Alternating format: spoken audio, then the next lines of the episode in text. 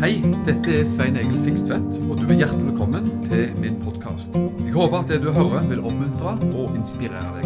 Ønsker du mer informasjon om arbeidet i drivet, så kan du gå til mission-alliance.org. Gud velsigne deg.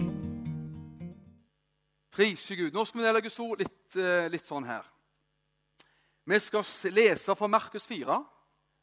En, jeg tror jeg aldri har talt om den teksten her før. Markus 4, 36 til 41 i Jesu navn. Da forlot, de forlot av folkemengden og tok ham, altså Jesus, med i båten slik han var. Også andre små båter var med ham, og det blåste opp til en kraftig uvær, og bølgene slo inn i båten, så den var i ferd med å fylles. Men han, la, men han lå i akterstavnen og sov med hodet på en pute. Det var Jesus. Han lå bak i båten og sov. Og de vekket ham og sa til ham, 'Mester, bryr du deg ikke om at vi går under?' Da sto han opp, truet vinden og sa til sjøen, 'Hold fred, vær stille.' Og vinden la seg, og det ble en kraftig stillhet, mektig stillhet. En mektig stillhet, du. Men han sa til dem, 'Hvorfor er dere så redde? Hvorfor har dere ikke tro?' Og de ble grepet av stor frykt og sa til hverandre, 'Hvem kan dette være, siden til og med vinden og sjøen adlyder ham?' Tenk på det.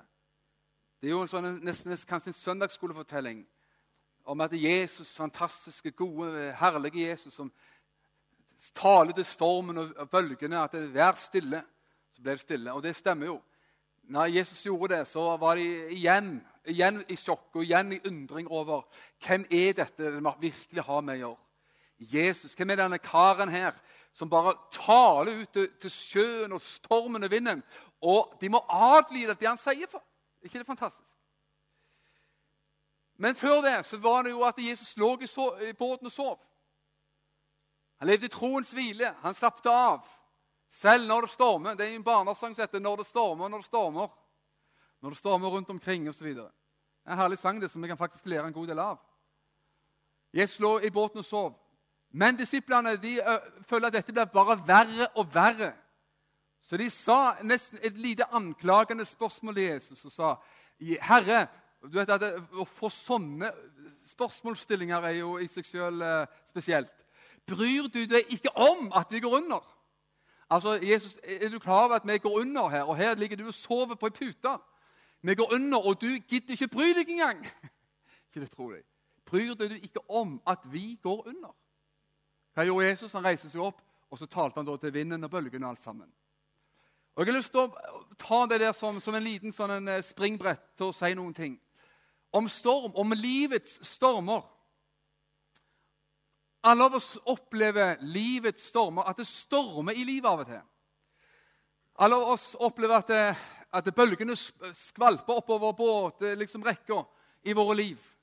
Og at det kanskje det, det, det raser sjø over rekka og opp i båten vår.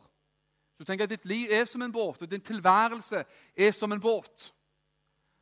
Og eh, hva gjør man da? Hva gjør man når det stormer som verst? Hva gjør man i livets stormer og livets krise? Hvor er Gud da? Finnes Gud der? Og finnes Gud da? Og hvor kommer alle disse stormene og krisene fra? Er det en mening med stormene og krisene i livet? Dette Spørsmål rundt sånne ting det er noe av det som mennesker, spesielt når man tenker på religiøse ting, og åndelige ting, og Gud og djevelen og hele opplegget, tenker på. Hvis det finnes en god Gud, en rettferdig Gud, hvorfor er det så, da, så mange vanskeligheter og problemer i livet? Hvorfor er det så mye ondskap i verden? Og Det ondes problem har liksom vært menneskenes store hva som er nødt å knekke altså, gjennom alle generasjoner. Det vi i hvert fall vet, er at ingen av oss er immune mot ondskap. Ingen av oss er immune og spart fra storm og bølger. Det er interessant at Jesus var på vei over for å befri nettopp en kar med demoner. Og også Det er nesten et bilde som taler til oss. For når vi er på vei over for å oppleve noe nytt, når vi er på vei over for å oppleve noe større, noe bedre, noe sterkere, så er det så typisk at det vil komme stormer mot våre liv. Og da tenker jeg at det, det er så viktig at vi har rett perspektiv på det vi opplever i våre liv. Kolossalt viktig å, oppleve at, å se ting i et rett perspektiv. Og ikke se at livets stormer og livets kriser er en mulighet til å gå under, som disiplene gjorde. Men heller få Jesu perspektiv. For at vi faktisk skal ikke under, under vannet, men vi skulle over, vi skulle over på den andre sida. Hvorfor det? Jo, for å være til velsignelse, for å være, for å være til hjelp. For, for, å befri en person som var plaga av onde makter. Ingen av oss er immune, og ingen av oss er skjerma for at det skjer skuffelser, synd, ondskap, urettferdighet som skvalper over våre liv. Spørsmålet er hva gjør man da når det skjer? Og hva slags perspektiv har man på det når det skjer og rammer våre liv? Personlig så må jeg si det at jeg, jeg, jeg interesserer meg for sånne ting, faktisk. For det, og Mennesker som har en god historie, mennesker som har opplevd noe, mennesker som har vært igjennom noe i sitt liv, og som kom helskinna gjennom noe i sitt liv, det er mennesker som fascinerer meg. Enten de eh, aller helst hadde Gud med seg på laget. Da. Det er jo det mest interessante for mitt vedkommende. Ofte så, eh, min, så er jeg sånn at jeg sirkler ofte mot gjerne predikanter og pastorer og folk som er i min båt, min, min, liksom min sjikt, og, og, og, som har, deler mitt kalde yrke i livet og, og tenker gjennom ofte hvordan har den opplevd det, og hvordan har den gjenopplevd det, og hvordan har man eh, liksom kommet igjennom livets eh, stormer. Og Det er viktig, det. Og jeg, for meg det er fascinerende, for det at alle av oss opplever det samme. Noen opplever verre ting enn andre. Noen får mer elendighet og urettferdighet eh, tredd ned over hodet over sitt liv. Men alle av oss får en kanskje av og til for stor dose av den slags.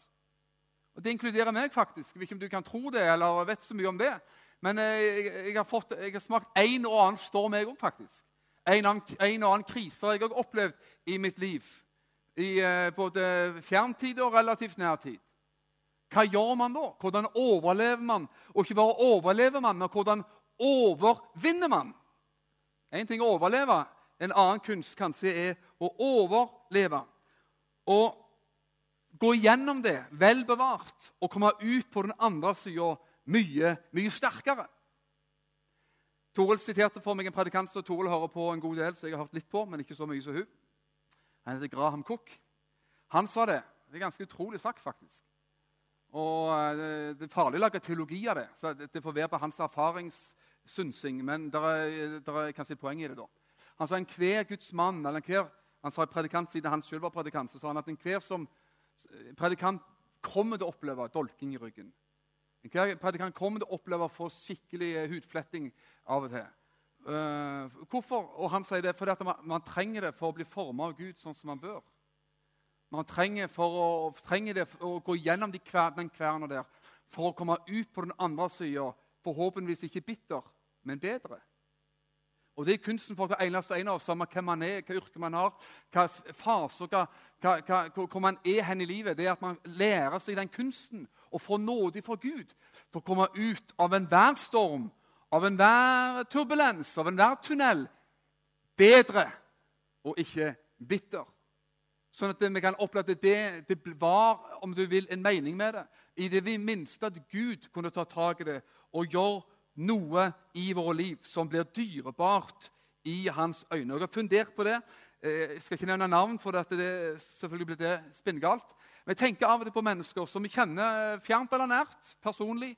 Som jeg vet eh, gjennom at man gikk gjennom en sånn storm som vi leser om her.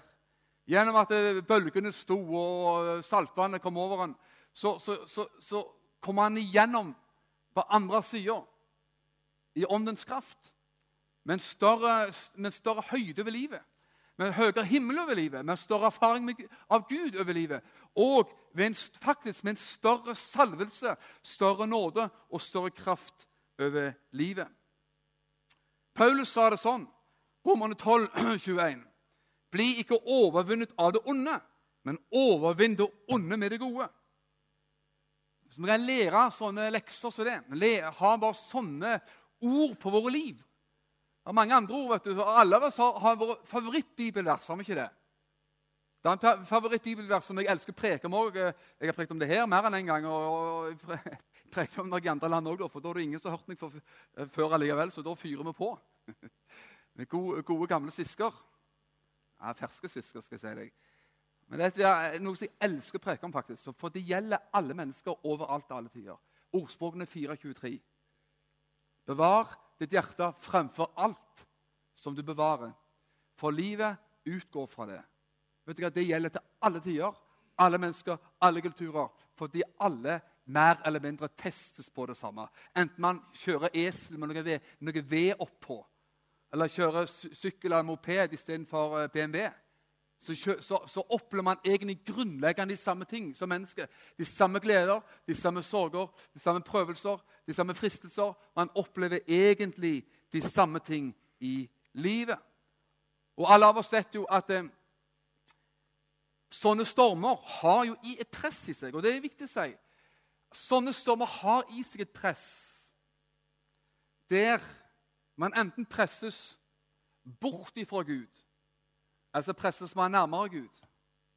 Og Det er et så avgjørende valg vi må ta, et kvalitetsvalg.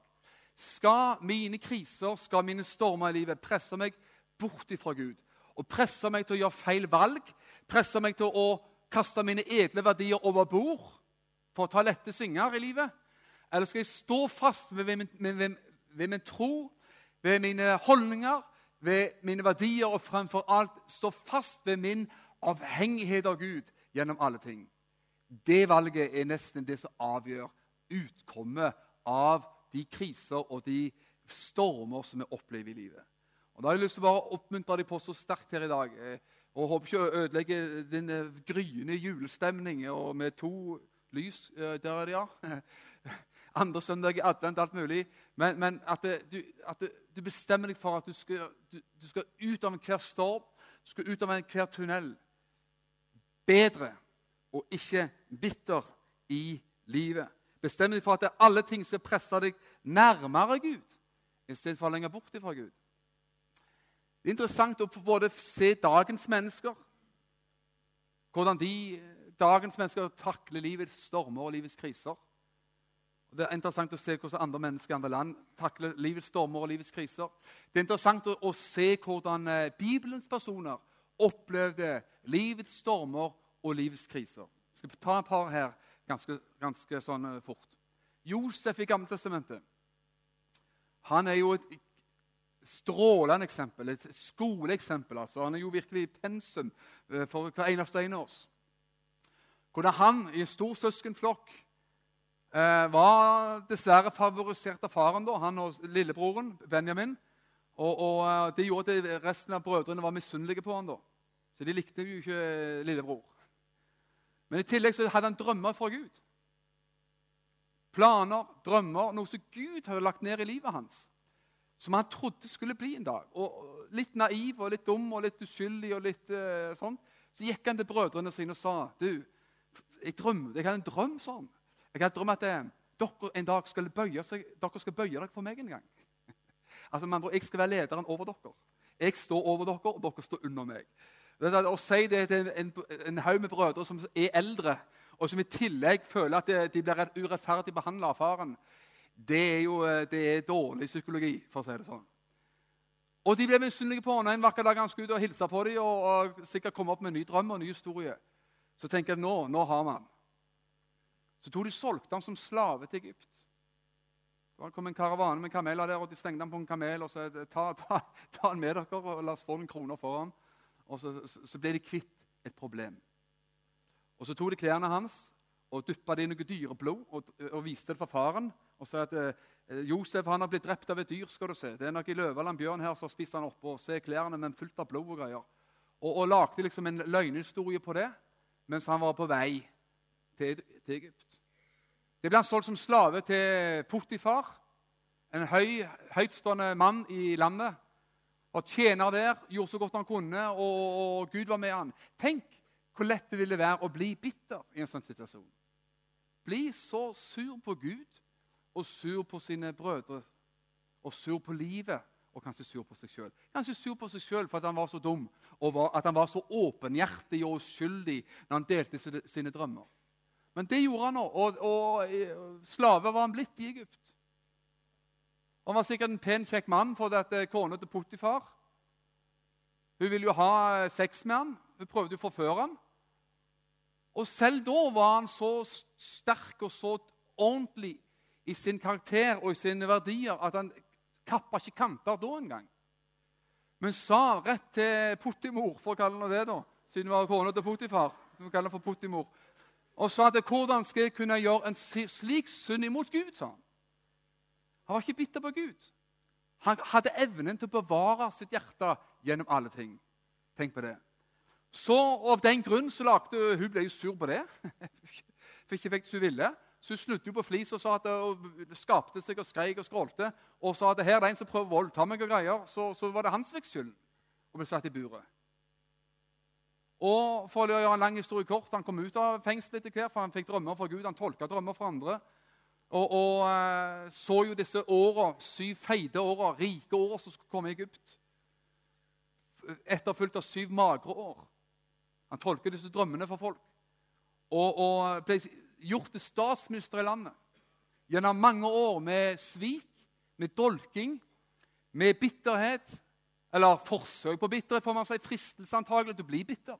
Men han ble det ikke. Gud var med han, og bevarte sitt hjerte rent og edelt framfor Gud. Tenk på det. Og er det noen i Bibelen som jeg kan se virkelig hadde evne til å bevare sitt hjerte gjennom alle ting, så må det jo virkelig ha vært nettopp Josef. Mm -hmm. Så var det hungersnød der Josef og brødrene bodde, og gamle, gamle Jakob bodde. Kanans land. Og De dro til Egypt for å få kjøpe mat, for der var det overflod. De hadde samla i de syv feite åra, sånn at de hadde mat i de syv magre åra. Og hvem andre er det de treffer liksom, eh, på palasset for å få mat? Jo, broren, men de kjenner han ikke igjen. Da kunne hevnens time vært inne. Men det var det ikke. Josef drev jo litt gjøn med dem da, for å herje litt med dem og ha litt god underholdning og mobbe dem litt og, og lage litt show. Kort versjon fra Svein Ege. Men les dette her i første, andre tredje juledag, så blir du salig der du sitter foran peisen og spiser twist. En sterk historie. Det er ikke tull engang. Men litt seinere enn det, da, de fikk kjøpe mat, og det, syntes åpenbart han hvem han var. Han var Josef etter mange mange år. De fikk lov, fikk lov til å flytte til Egypt og bosette seg der. Og, og spise i overflod og ha det ordentlig hekt og ordentlig godt. Men så var de redde etter en stund, disse brødrene. tenker, Kommer Josef? Sitter vi liksom på udetonert bombe her nå? Er det, er det, liksom en baksmell på dette? Vil han ta hevn? Vi som solgte han som slave. Vi som så den angsten og den redselen han hadde når han ble bonden på hender og føtter og stengt opp på en kamel på vei til Egypt. liksom. Vil han ta hevn? Men så sier Josef disse fantastiske ordene som er så like det som også finner i Nytestamentet. Han sier jo i 5. Mosebok 50, vers 20-21.: Men dere, dere tenkte ut ondt mot meg. Men Gud har tenkt det til det gode. For å gjøre det som, for å gjøre det, som det er i dag, og berge livet til mange mennesker. Gud brukte Josef til å berge livet til kolossalt mange mennesker. Sin egen familie, men også selvfølgelig landet Egypt. Dere tenkte det til det vonde, men Gud tenkte det til det motsatte. At det skulle bli til noe godt. Det skulle bli vendt og snudd rett om til noe godt. Det minner meg veldig om det som Paulus sa i Roman 8. Alle ting tjener den til gode som elsker Gud. Tenk på det. Alle ting tjener den til gode som elsker Gud. Han sier videre, 'Derfor skal dere ikke frykte. Jeg skal sørge for dere og deres barn.' Og han trøstet dem og talte vennlig til dem. Midt i hans trengsel, midt i hans det sviket som han opplevde, så hadde han et bra perspektiv. Og perspektivet var veldig enkelt, egentlig. Han hadde to ting, perspektiver som, ja, som nesten ett, nemlig Gud. Og når vi snakker om Gud, vet du, når vi snakker om Jesus, så er ikke det bare liksom, en fantasifigur i det blå. Det er ikke bare trøst og et halmstrå man klynger seg til i sånn fattig, elendig trøst. Det er derfor det, det, det, det kan ikke si sterkt nok. Jeg tror Vidar har talt sikkert i tråd med dette her, og det har jeg selv gjort selvfølgelig tidligere, at vårt forhold til Gud Vår personlige relasjon til Gud er det som berger oss når livet er som verst. Mer enn venner. Mer enn bare liksom at vi får koble med en sydentur kanskje, og noe greier, og, og se fram til noe artig. Ja, det er fint. Men eh, vårt personlige forhold til Gud, personforholdet personforhold til Jesus, det er det som berger oss gjennom alle ting. Sånn som Josef. Han sa til og med, han kunne være så sur på Gud og tenkte at Gud har svikta meg så mye at nå, nå, blås, nå kaster jeg mine verdier over bord. Men det gjorde han ikke, gitt. Han er glad i Gud. Kjente Gud. Han elsket Gud. Han stod, levde nær Gud. Og Gud vendte alt til det gode. Så ble israelsfolk, da, hebreerne, jødene, blitt boende i Egypt i ganske mange generasjoner. Og de vokste. Det, det var i begynnelsen at det, det, jødiske folk vokste seg opp i Egypt. Og etter farao var død, og det kom flere herskere der etter hvert, så tenkte de at disse jødene som blir så himla mange, de får så veldig med barn. Og store og mektige blir de. Så ble kongen redd. Og han tenkte at nå, vi, nå, vi, må, vi, nå må vi kappe her. Liksom. Nå må vi gjøre de svake. Så befalte den nye faraoen som kom etter hvert, at alle jødiske guttebarn som fødes, skulle avlives umiddelbart. Tenk på det. Slå i hjel nyfødte barn. Dumt. Ikke sant? Veldig dumt. Og en av de som skulle blitt tatt av dage, var Moses. Men mor til Moses hadde en annen plan. Tok en råsjans. For visste at det, alternativet at han, må, han blir slått i hjel, så, så, så, hun kan være, jeg får ta en annen sprø sjanse lagde en kurv eh, og la Moses oppi og seilte han nedover elva i håp om at noen skulle forbarme seg over ham. Hvem andre enn faraos datter, kongedatter i landet, var ved elva og bada og så en korv langs elva med en unge oppi. Og fikk nød for ungen, fikk sympati, ble glad i barnet. Og så tenker jeg at denne gutten vil jeg ha, som har blitt redda ut av elva ut av sivet. Så tenkte hun hva, hvordan skal jeg få, De hadde ikke morsmelkerstatning i den tida, tror jeg. Så hun hadde jo ikke melk. Så tenkte jeg, Hva skal jeg se nå? Jo, det var Moses, søsteren til Moses som lurte i sivet vet du, og tenkte at jeg har løsningen. tenkte hun. Så hun gikk til far og datter og sa at du, jeg kjenner en person som, som, som liksom, driver amme for tida, så det går bra, det. Klar for amming. Så jeg, jeg, tar, jeg, jeg kan ta hånd om deg. skjønner du, at du, du kan, Jeg kjenner ei dame som kan amme gutten. At det var jo mora til Moses. Det sa hun ikke da. Og så sa far og datter gjør det, og kom tilbake med han etter han er avvent. etter en periode. Og så står det til og med at far og datter ga lønn til mora til Moses for at du skal amme Moses. Det kaller vi kontantstøtte på godt norsk. Det var ikke KrF som kom med det. Det var, det var faraos datter som kom med det. Og Etter en stund så vokste kom Moses tilbake da han var avvendt fra amming. Og vokste opp i palasset til farao med alskens rikdom og herlighet og forlystelser. Og, og, Du kan bare tenke deg hvordan liksom en, en, en, hersker på den tiden levde. Det er mange herskere i vår tid òg som lever greit. Tenk hvordan det var på den tiden mellom fattige og rike. Han vokste opp. Men en, dag så, så, ville han noe annet. Bare tenk deg det. Hvordan det på den tiden De ville slå i hjel alle hebreiske, jødiske guttebarn. Og Moses slapp unna med sitt liv, så vidt det var, som en råsjans. Når han var voksen, så ville han finne sine røtter. Han ville tilbake igjen og finne ut hvor er mitt folk hvor mine røtter henne, Hvor hører jeg hjemme hen? Så fant han sitt eget folk der, slavene i Egypt, så de var blitt jødiske folket. Og han ble, som vi kjenner, den som skulle Gud ville bruke til å utfri sitt folk ut fra Egypt. Og tenker på det.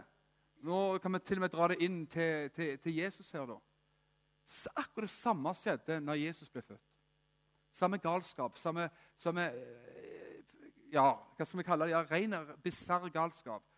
At eh, Herodes, for å få bort den ene Jesus, befrieren, frelseren, så, så, så starter man nedslakting av guttebarn bare for å få tatt den ene Jesus Kristus bort fra jordens overflate. Men hans foreldre flykta til Egypt. Og vi vet hva det ble ut av Jesus. Verdens frelser, vår redningsmann. han som Bibelen sier, folkeslagene skal sette sitt håp til. Hva de vil vi med dette her? Jo, det ser ut som at når Gud vil noe det skal prøve å gi deg et poeng her midt i alle bibelhistorier. Når Gud vil noe, så er det en annen som vil noe annet. Når Gud vil noe for ditt liv, så er det en annen som vil noe stikk motsatt. Når Gud vil noe for vår menighet, så er det noen som vil noe stikk motsatte. Det må vi skjønne og. Og på Moses' tid, for, for, for, å rydde ut hele generasjonen, for å avblåse all utfrielse fra Egypt, så skulle alle guttebarn slås i hjel. Men Gud hadde en løsning, og Gud redda Moses. På Jesu tid, for å unngå at verdens frelser skulle komme, så starta Herodes en nedslakting av barn, av små barn, uskyldige barn. Men Jesus ble redda, han ble verdens frelser. Tenk på det. Vet du hva? Det er noe, og la meg si det sånn Gud har en stor plan for ditt og mitt liv. Og Dess mer du vil med Gud, og dess mer hva skal si, hvis du vil noe, noe mer med Gud, og Gud har kall på ditt liv, så er det helt sikkert sånn at det finnes også en dødens ånd som vil prøve å ta knekken på tjenesten din, på drømmene dine, på familien din. En dødens ånd som vil prøve å slå i hjel det liv og den plan som Gud har lagt ned i ditt hjerte. Har du en drøm, en stor drøm og en god drøm om din familie? Har du en drøm om en tjeneste som skal redde mange mennesker fra himmelen? For eksempel? Eller hva er det enn være av det som Gud har lagt ned i ditt, lagt ned ditt hjerte? Så skal ikke jeg lage systematisk teologi av dette, her, men jeg sier det liksom på egen eh, spontan, eh, Det får være spontanteologi, dette her, akkurat for øyeblikket. Men så er det veldig ofte det fins en dødens ånd som vil prøve å drepe, kvele og slå i hjel de ting som Gud vil for ditt liv. Og Da kan det være lett å si, som disiplene sa, 'Herre, bryr du ikke om at vi går under?' Men Jesus har ikke tenkt at du skal gå under. Han har tenkt at du skal gå over, prise Gud. Han har tenkt at du skal komme over på den andre sida. Og det er jo viktig å se. Hør perspektivet. Nå leser vi perspektivet til Josef. Han sa det som dere tenkte det det onde, det har Gud tenkt til det gode. Heldig er den personen som kan se det og oppleve det med livet sitt. At det som ikke Gud tenkte det onde, men det som faktisk den onde, djevelen, tenkte til det onde for ditt liv, det har Gud tenkt å snu til det gode. Det har Gud tenkt, Gud har makt til det, Gud har vilje til det, til å snu faktisk det til det gode i ditt liv. Har, det har jeg lest før, det vet jeg. Jeg syns det er så sterke og gripende ord om Moses. Hebreene 11, 24-27. Hør, Ved tro nektet Moses da han var blitt stor. Når han vokste opp du, i palasset til, til farao, så, så, skjedde det noe i hjertet hans. Ved tro nektet Moses da han var blitt stor, å kalles sønn av faraos datter. Han sa fra seg prinsetitten sin. Han sa fra seg og sa no, no, nok er nok. Nå har jeg vært lenge nok i dette palasset her. Nå har jeg lenge liksom, nok vokst opp som en stesønn hos farao i den kongelige familien i Egypt. For han ville finne sine røtter. Og ikke bare det, Han visste at han hadde kall fra Gud til å bety noe for andre. Så han nekta å bli kalt for sønn av faraos datter, altså rett og slett barnebarnet til farao. Og så hør Han valgte heller å lide ondt sammen med Guds folk enn å ha en kortvarig nytelse av synden. Jeg skal si ingenting. I det verset der står det mye. Han valgte heller å lide ondt sammen med Guds folk gå i det kalde Gud hadde for ham, enn en kortvarig nytelse av synden. Og Hvis du får det valget, og alle får det valget, faktisk, hva velger du da? Å velge tjenesten for Gud, de ting som Gud har lagt ned i ditt liv, enn en kortvarig nytelse av synden? Og Bibelen er veldig ærlig denne og sier at synden er en nytelse. Dog en kortvarig nytelse, som veldig mange må betale tilbake igjen for med store renter. Og da smaker det ikke så godt. Han valgte heller å lide vondt sammen med Guds folk enn en kortere nytelse av synden. Han holdt Kristi vanære for en større rikdom enn skattene i Egypt. For han så fram til lønnen. Han så fram til evigheten. Han hadde et evighetsperspektiv på det han holdt på med. Ved tro forlot han Egypt uten å frykte kongens vrede. Han holdt ut som han så den usynlige. Det var hans perspektiv. Hva er ditt perspektiv på ditt liv? Oi, oi, oi, Hvor viktig det er å ha rett perspektiv på livet sitt. At det skal bety en forskjell. At du skal være en stor velsignelse for andre mennesker. At du er liksom ikke bare kommet inn i denne verden på ren tilfeldighet, men ditt liv betyr en forskjell. Og ditt liv skal bety rett og slett frelse for mange mennesker. Det er ikke bare evangelist Inge Røisland som sitter der borte, som skal bety frelse for mange mennesker. Ditt liv skal bety frelse for mange mennesker, fjernt eller nært. Ditt liv skal bety helbredelse for mange mennesker. Ditt liv skal bety retning for manges ekteskap. Ditt liv skal bety at noen dras opp av hengemyra i livet nettopp pga. deg. Ikke bare pga. en pastor og en pater her og der, men, eller en evangelist eller en pave, men pga. ditt liv så skal mange mennesker bli redda for evigheten.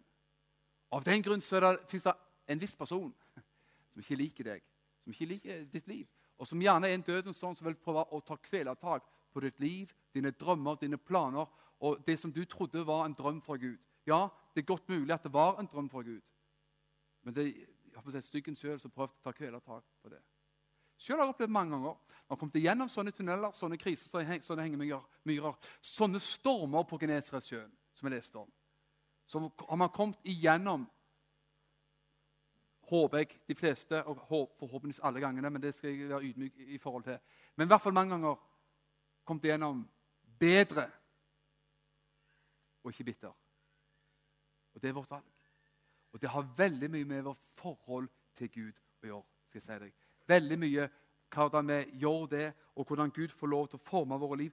Faktisk også gjennom stormer, gjennom kriser og gjennom, gjennom sånne ting. Krisetider, sier man av og til, er Kristus-tider, og det stemmer. Hva sier du og meg i livets stormer?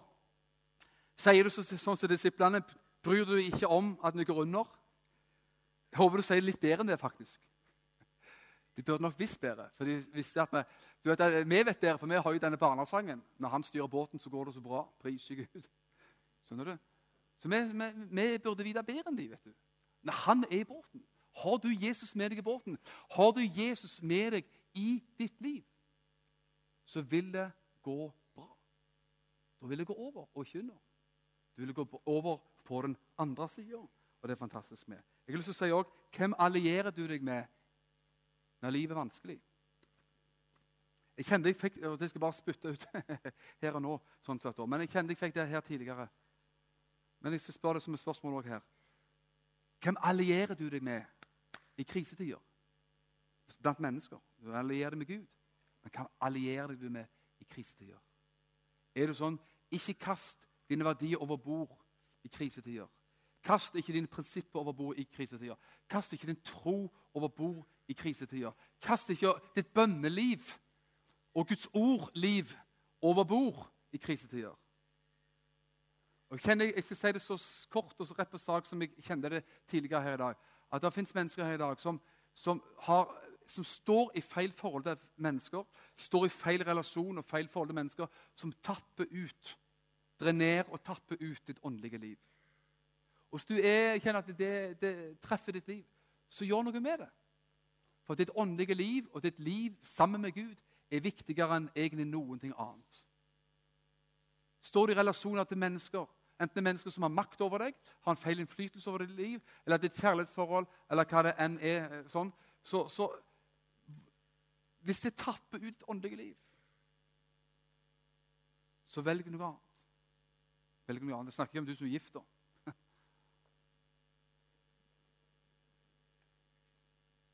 Velg noe annet. Velg noe annet. Du er for viktig. Du er for viktig for Gud. Du er viktig for det som Jesus har. Amen. Amen. Far i himmelen, jeg bare takker deg for at vi skal ta med oss disse ordene, Herre. Og ber at det skal, at det skal bety skal være til trøst, og oppmuntring og styrke for folk. For hver eneste en av oss, Herre, for alle oss opplever mer eller mindre det samme. Alle oss opplever i hvert fall stormer av og til på sjøen. Alle oss opplever Herre, at det stormer. Det kan være krise, det kan være vanskelig, tøffe, røffe tak. Og ber spesielt for de som opplever i disse tider, disse dager, uker og måneder, kanskje en lang periode, at det har vært en røff, røff, røff, røff tid. Så ber jeg at både budskapet og møtet her skal bety oppmuntring og styrke og kraft. At man skal få lov til å se at det, forbi, dette, forbi det punktet man er på nå i livet, så har du noe større. Så har du noe sterkere. Så har du noe bedre for hver eneste en. Så sant vi holder våre hjerter nær til deg. Amen. Amen. Ja, prise Gud. La oss reise oss opp. Skal vi få eh, Anita og gjengen her til å bare lede oss i lovsang til slutt? Og jeg tenker bare på det at uh, Vi har åpen avslutning, vi har kafé, og du, du, du, vi sier bare ammen nå. Sånn. Takk for, takk for frammøtet nå. Enkelt og greit. Og uh, vi skal be for hverandre. Spesielt, egentlig for hvem som helst og hva som helst. Selvfølgelig. Alltid er det sånn. Men spesielt også du som kjenner du trenger styrke inn i livet rundt de tingene som har prekt om i dag. Så jeg har lyst til bare virkelig at vi skal være som en god familie som ber for hverandre, styrker hverandre, oppmuntrer hverandre og kjenner at vi står sammen i kampen og striden. Det er viktig. Og som jeg har prøvd å forklare, tror jeg, at alle oss opplever mye av det samme. vet du. Alle av oss er mennesker, alle av oss er kjøtt og blod, alle av oss har en gud. Alle av oss har en sjelefiende, så dette er så fint på det kristne språket. Altså Satan, altså. Djevelen. Alle av oss står egentlig sammen. Og Det skal være sånn i familie, en menighetsfamilie at, at uh, man ber for hverandre, man oppmuntrer hverandre. Man, man bærer hverandre gjennom når livet er røft og livet er vanskelig. For at du skal komme ut på den andre sida på en mye, mye sterkere og mye, mye bedre måte. Amen. I Jesu navn. Takk for at du har lytta til denne podkasten. Jeg ønsker deg en velsigna god dag.